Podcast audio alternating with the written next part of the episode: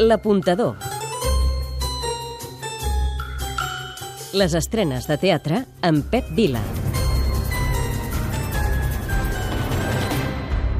Jo no dic que ho vulgui fer, però el primer seria fer-se emprenedor. Sí. I després... Doncs, La democràcia és el pitjor sistema de govern dissenyat per l'ésser humà, amb excepció de tota la resta. Bé, no ho diem nosaltres això, eh? Ho va dir Winston Churchill. I ara la companyia La Calòrica hi vol dir la seva.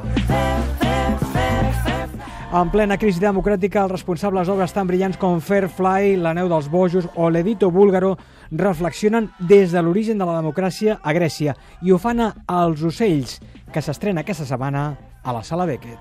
L'aposta de l'apuntador. Tres motius per veure-la.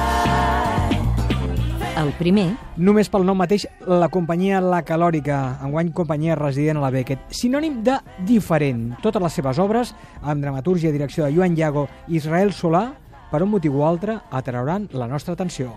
el segon, Reflexionen a partir de l'obra d'Aristòfanes que explica com un atenenc amb diners, far de la ingerència pública en els seus assumptes, abandona el món dels humans i convenç els ocells de crear una nova civilització. el tercer, Brutal perquè aleshores la democràcia tanenca no tenia ni 50 anys i Aristòfanes ja denunciava coses que segueixen passant. I la calòrica transforma l'obra en un cabaret polític per on desfilaran temes com la corrupció o la manipulació de masses. I ens farem tots aquesta pregunta. Què queda de realment democràtic a les democràcies occidentals? Soc la Victòria Pagès. Jo sóc la Paula Blanco. I l'apuntador És qui us ho recomana. Aquesta és l'aposta de l'apuntador aquesta setmana, però també n'hi ha d'altres. Has vist fumar algú? Fumar? Doncs no, no, no m'hi he fixat. Per què? No has trobat res? Orsini, TNC, una ficció anarquista sobre la burgesia o una ficció burgesa sobre l'anarquisme? L'any 1893, quan s'inaugurava la temporada del Liceu amb l'obra Guillem Tell, una bomba Orsini, que s'activa per uns dispositius plens de fulminat de mercuri que envolten la bomba, que explota amb l'impacte, va esclatar al teatre i va causar una vintena de morts. L'havia activada Santiago Salvador, que veia a la platea un dels símbols de la burgesia.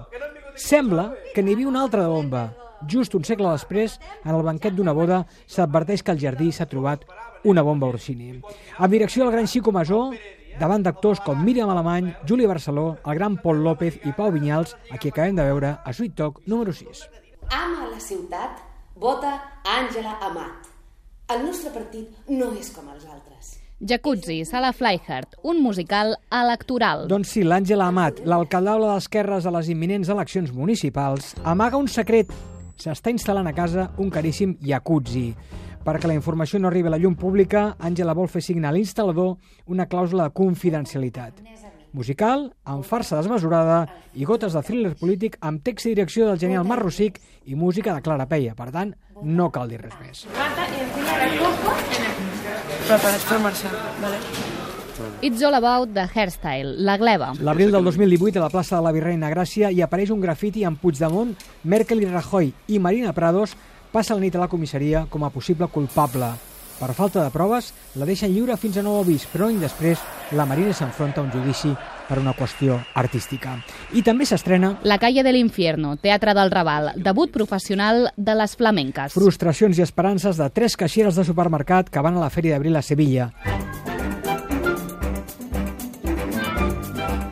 les recomanacions. Passa'm l'escorrada. On és la malmelada? L'escorrada. On és la malmelada? Com els grecs, lliure de gràcia, potent, transgressora, ferotge, grollera i punk. I encara més coses. La cruel història d'Edi o Edip, que a la Gran Bretanya de Margaret Thatcher no s'integra al sistema ni amb els uns ni amb els altres, i davant d'un món que, com canten els Sex Pistols en un moment determinat, no n'hi ha de futur, es lliura a l'amor, però un amor equivocat. El millor. El mite de Sòfocles traslladat als temps contemporanis i la Gran Bretanya. Una mena de trainspotting amb pintes, abocadors, un món gairebé apocalíptic amb la reflexió del seu autor, Stephen Berkoff. Si l'amor és l'única solució a aquest món, ens podem enamorar de qui sigui, no? El pitjor. Que el seu llenguatge, reflexió i agosarament pogués arribar a incomodar algun espectador. Si us plau, no us incomodeu, eh? Un moment per recordar. N'hi ha molts, però la rapidesa, genialitat i clarividència amb què Pablo Derqui recita un text molt complicat i a la vegada brillant, obra i gràcia de la traducció de Joan Sallent, i també els insults de Mercè Lànega transformant els fills al mateix Derqui. En definitiva, Des del minut zero, l'espectacle no dona respir a l'espectador. Dinàmic, vibrant, barreja el classicisme i la modernitat i sobretot es beneficia de les grans interpretacions, no solament de Derqui, sinó també de Mercè Arànega, Sílvia Bell i Pep Cruz. És una obra espaterrant. l'apuntador.